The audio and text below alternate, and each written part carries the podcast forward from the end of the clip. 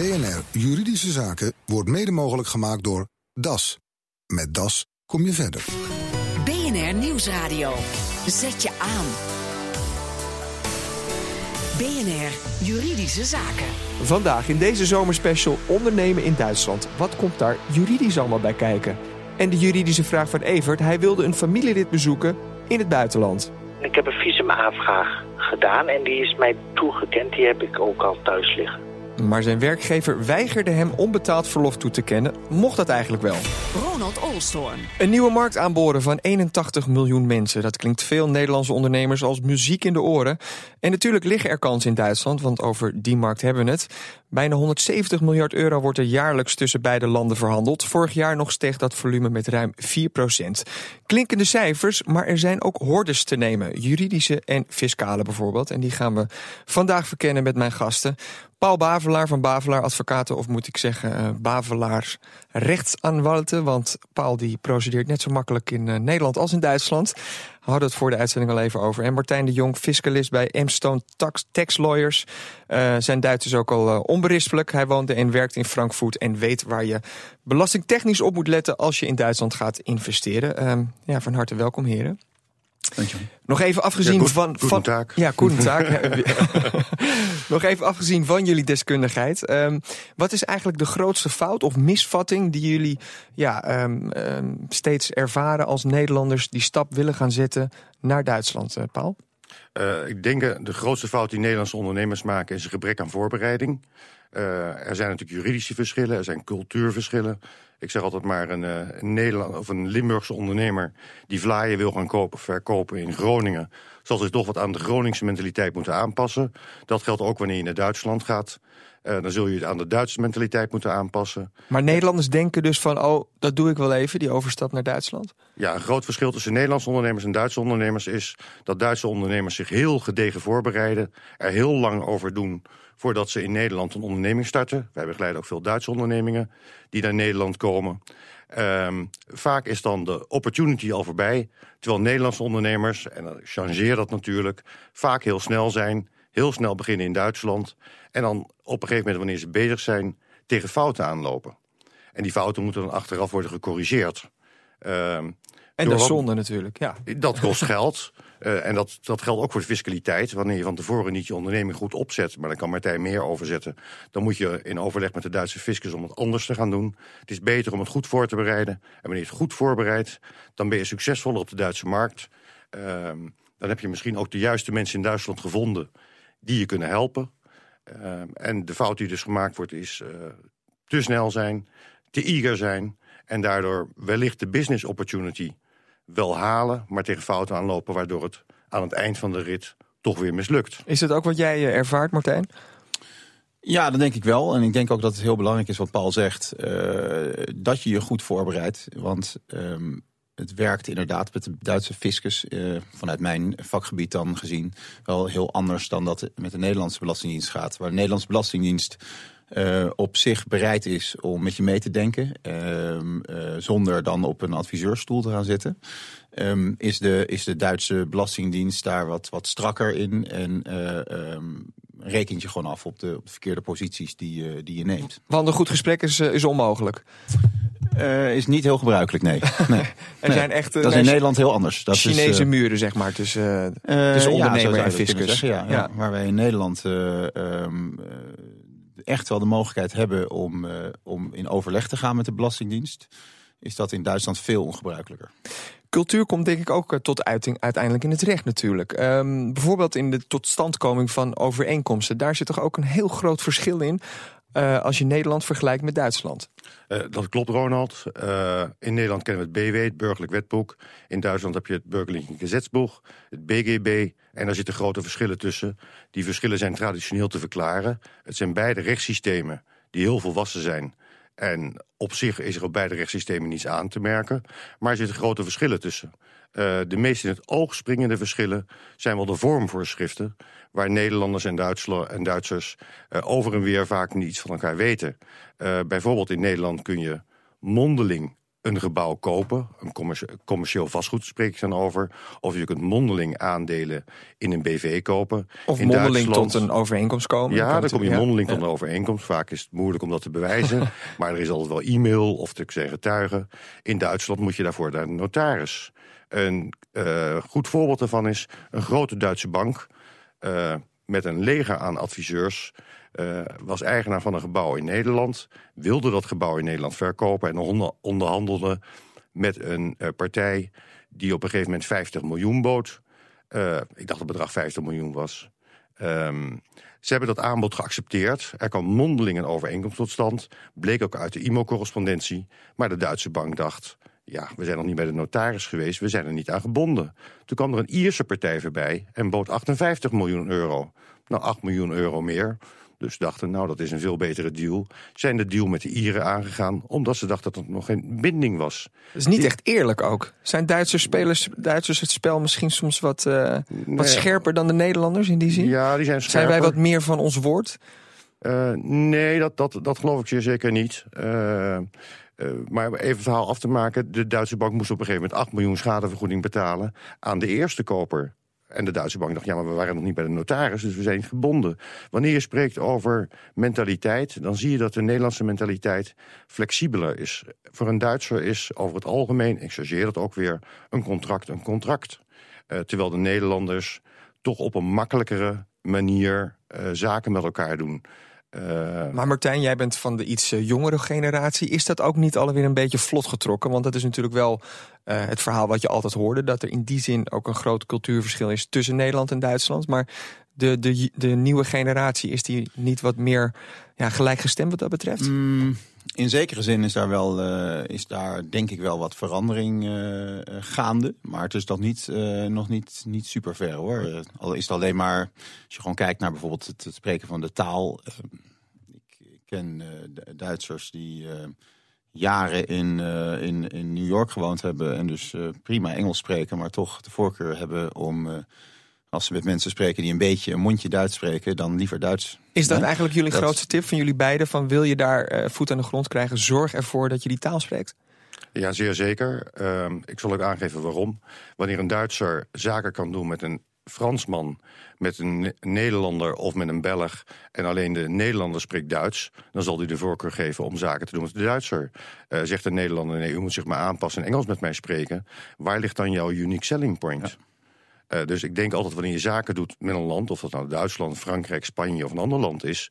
probeer je aan te passen aan de cultuur van dat land. Want je wil wat verkopen aan die mensen.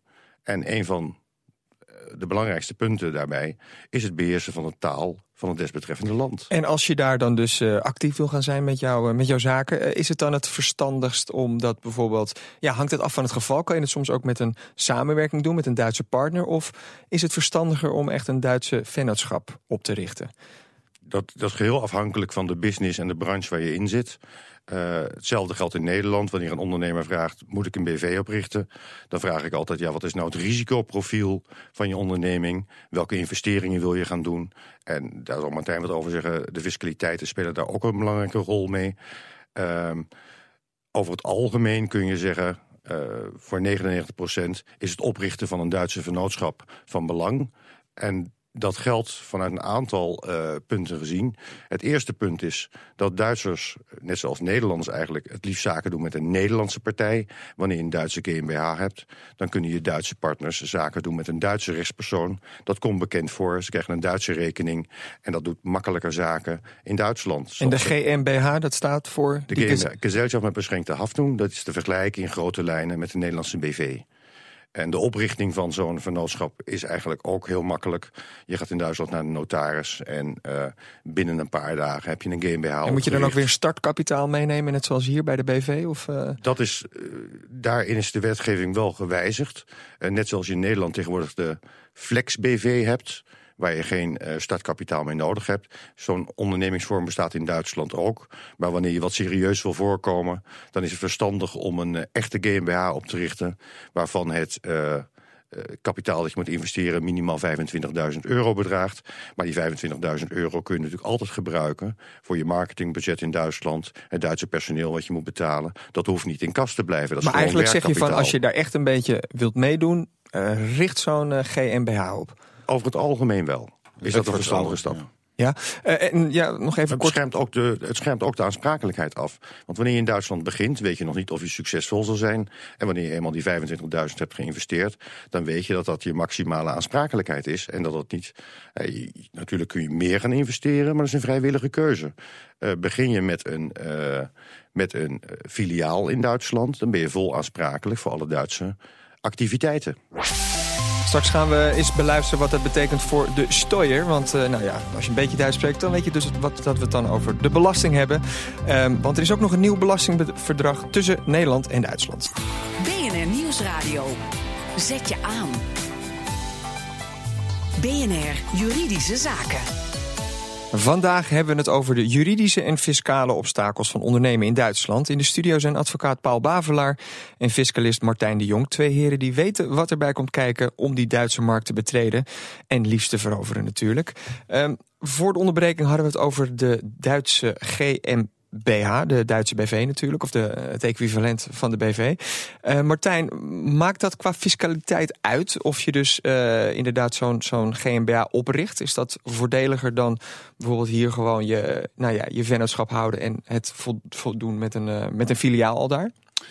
Ehm, dat is niet per se altijd eh, zo makkelijk te zeggen. Want op zich, op het moment dat jouw eh, jouw filiaal daar eh, genoeg substance heeft, de- zal die vergelijkbaar behandeld worden fiscaal als een, als een, een GmbH. Maar waar we het net al ook, al- even over hadden, is dat, dat er andere, vaak andere redenen aan ten grondslag liggen om te kiezen voor zo'n GmbH. Eh, namelijk om een eh, echt Duitse presence te hebben daar, een Duitse aanwezigheid. Ehm, eh, wat vertrouwen wekt bij Duitse klanten. En, ehm, eh, en dat is vaak een, een argument om een Duitse vennootschap op te richten. En wat ook weer vertrouwen wekt bij de Duitse fiscus misschien. Eh, nou, dat hoeft op zich niet heel, heel veel anders te zijn. Oké. Nee. Eh, er is sinds dit jaar is er een, eh, een nieuw belastingverdrag eh, van toepassing tussen Nederland en Ja. Duitsland. Heeft dat nog veel eh, veranderingen teweeggebracht als het gaat om ja, zaken doen in Duitsland? Ehm, dat is iets wat we, wat we moeten gaan afwachten. Het, het oude verdrag was van 1959. Heel oud. Dat is een van de oudste verdragen die we nog hadden. Wat op zich wel bijzonder is met, je, met je grootste handelspartner. En het heeft jaren gekost om, om dat te heronderhandelen. Ehm, in 2012 was het dan zover. En toen hebben wij hier in Nederland er nog eh, eh, eindeloos lang over gedaan om dat, eh, dat verdrag te ratificeren. Maar goed, En de inzet is zo hoog of zo? Waarom wordt dat zo helemaal uit onderhandeld? Want Ehm, ja, er zaten allerlei, allerlei onderhandelingspunten in waar, waar men in Nederland blijkbaar dus niet helemaal over uitkwam. In Duitsland was men er wat sneller over eens. Ehm, het is natuurlijk best een belastingverdrag eh, geven en nemen. Hè. Het probeert te, de, de, de, de, het recht op het heffen van belasting te verdelen tussen de beide landen. Eh, waarbij ehm, eh, eh, waarbij dat dus echt een onderhandeling is tussen die twee landen. Wie over welke en wie is, er- wie is, inkomensbestanden wie is mag, het eh, gunstigst uitgesprongen, denk jij? Als het goed is, zou dat een, een eh, evenwichtige verdeling moeten zijn. Natuurlijk. Nee, ehm, nou, er zitten wel wat, wat elementen in die, eh, die voor ons, eh, denk ik, wel gunstig uit kunnen pakken. Duitsland eh, hanteert een hoop eh, anti-misbruikbepalingen. ehm, ter bescherming van zijn eigen markt, denk ik. Eh, en eh, die gaan vaak eigenlijk veel te ver. En die zijn eh, ten opzichte van, van bepaalde Nederlandse situaties eh, onder dat verdrag wel versoepeld. Eh, Dus in die zin dat- verwacht je dat het het zaken doen in Duitsland makkelijker zou zou, moeten zou maken? het makkelijker moeten maken, ja, in, die, in, die, in die situatie. En ook voor wat betreft de positie van grensarbeiders zijn er wel verbeteringen in het verdrag gekomen. Ehm, maar goed, bovenal voor als je naar Duitsland gaat, zal je je moeten verdiepen in het Duitse belastingssysteem. Want dat ziet er toch wel een beetje anders in elkaar dan dat in Nederland. En, en het gaat dan heel erg om, wat, wat zei je nou net, substance geloof ik? Ik bedoel, waar, waar eigenlijk het zwaartepunt is van je activiteiten. Het is niet zo dat je al naar gelang waar de vennootschapsbelasting het gunstigst is. Ik denk dat dat toch Nederland is. eh, dat je daar het meeste laat landen. Eh, nee, zo simpel is het niet. Nee, nee, nee. Zo eenvoudig is het niet. Op Helaas. het moment dat jij echt een onderneming eh, uitoefent in Duitsland, dan zal Duitsland daar het recht hebben om over te mogen, belasting te mogen heffen. Of je dat nou doet in de vorm van een GmbH of niet. Eh, dat, eh, En hoe zit, dat, hoe zit het met de omzetbelasting? Dat is toch vaak een hoofdpijndossier, denk ik, voor veel ondernemers. Hoe doen jullie dat zelf bijvoorbeeld als jullie iemand in Duitsland bijstaan? Ja, dat hangt er vanaf eh, eh, aan, wie je uiteindelijk een factuur stuurt. Normaal zo gesproken zal dat voor ons, eh, zullen dat ook ondernemers zijn, verwacht ik zo. En dan, ehm, dan, eh, dan zetten wij geen Nederlandse btw op onze factuur. Althans, dat doe ik niet, Paul. De BTW, de BTW mag worden verlegd wanneer het Precies. werk vanuit, eh, vanuit Nederland wordt Ja. gedaan. Maar een ander punt, eh, daar wil ik even op terugkomen. Je spreekt over de voordelen, fiscale voordelen, andere voordelen. Ik denk dat ondernemers veel meer denken over op- opportunities. Gaan kijken waar ze business willen doen, waar ze winst kunnen maken. En dat eigenlijk de juridische verschillen en de fiscale verschillen voor ondernemers op de achtergrond staan. Dat laten ze over het algemeen aan externe adviseurs over. En zij zien de mogelijkheid. Ik ga nu. zijn Ja, dat weinig- begrijp ik. Dat is een hoop zijn- werk voor jullie er zijn natuurlijk. weinig outlets in Duitsland. En iemand die outlets doet in Nederland, die zegt: Ja, ik, ik zie een mogelijkheid Ja. om in Duitsland een outlet te bouwen. Daar kan ik veel geld mee verdienen. En die gaat dan niet zeggen: Ja, maar in Duitsland, hoe zit het met de BTW?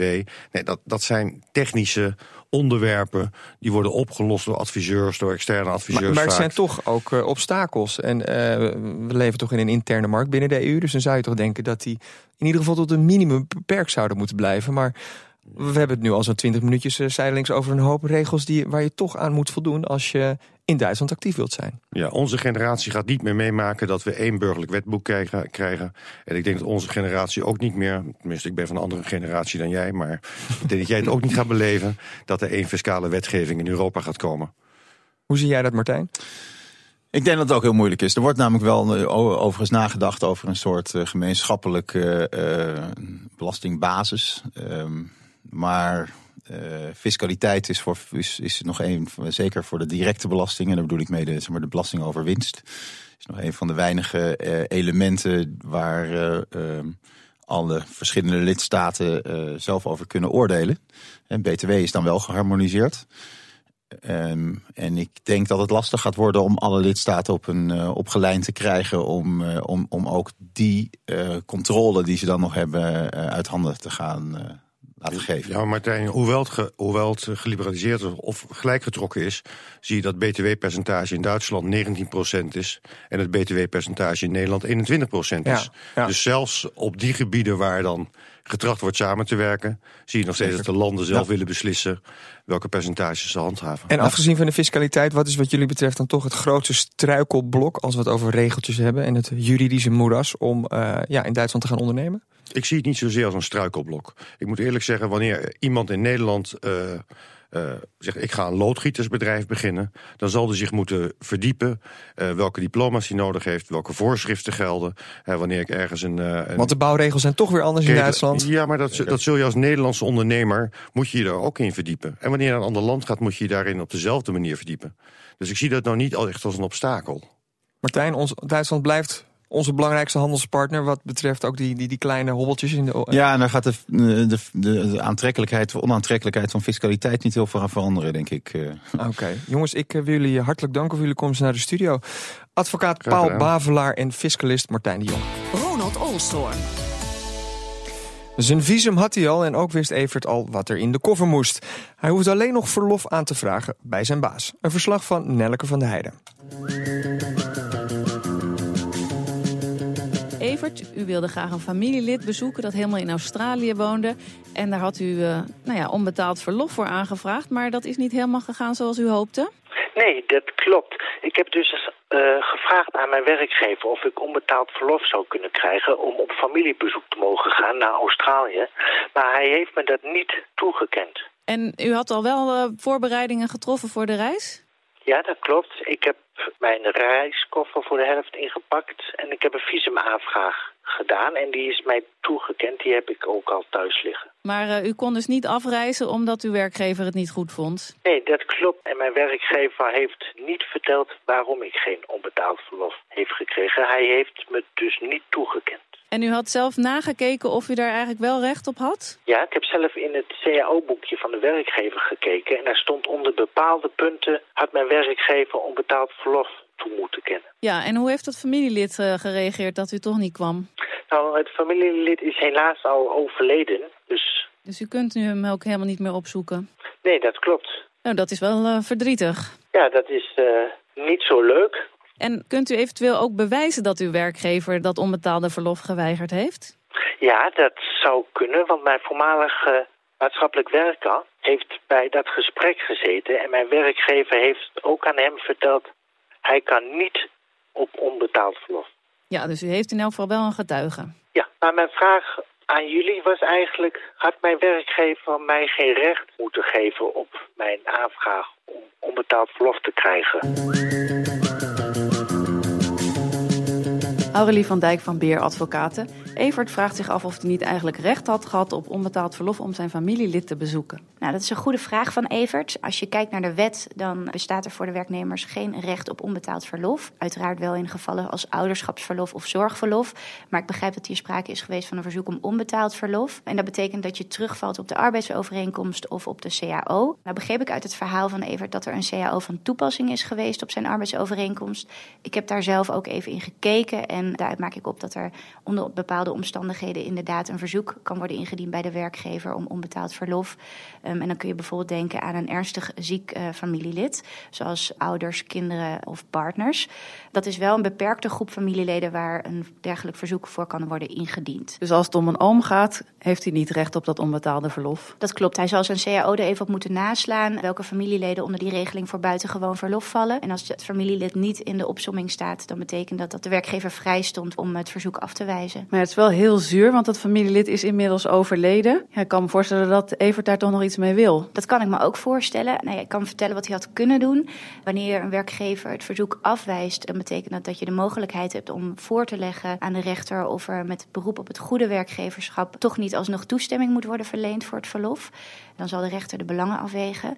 Helaas is deze optie voor Evert inmiddels uh, nou ja, niet meer relevant. Hè. Nu zijn familielid is komen te vervallen. Dan neem ik aan dat hij zou willen weten of hij een beroep kan uh, doen op een eventuele schadevergoeding. En dan zal ik hem helaas moeten teleurstellen wanneer het gaat om bijvoorbeeld een oom. Omdat nou ja, het de werkgever vrij stond om het verzoek af te wijzen. En er toch wel sprake moet zijn van onrechtmatig handelen. En ik nu niet kan vaststellen dat daarvan sprake is geweest. Zegt advocaat Aurelie van Dijk in een verslag van Nelke van der Heijden. En heeft u zelf een juridische vraag, u kunt hem naar ons mailen. Het adres is juridischezaken.bnr.nl. Dit was de uitzending voor vandaag. U kunt de show nog eens terugluisteren via bnr.nl slash juridische zaken. Mijn naam is Ronald Olstorn. Tot de volgende zitting. BNR Juridische Zaken wordt mede mogelijk gemaakt door DAS. Met DAS kom je verder.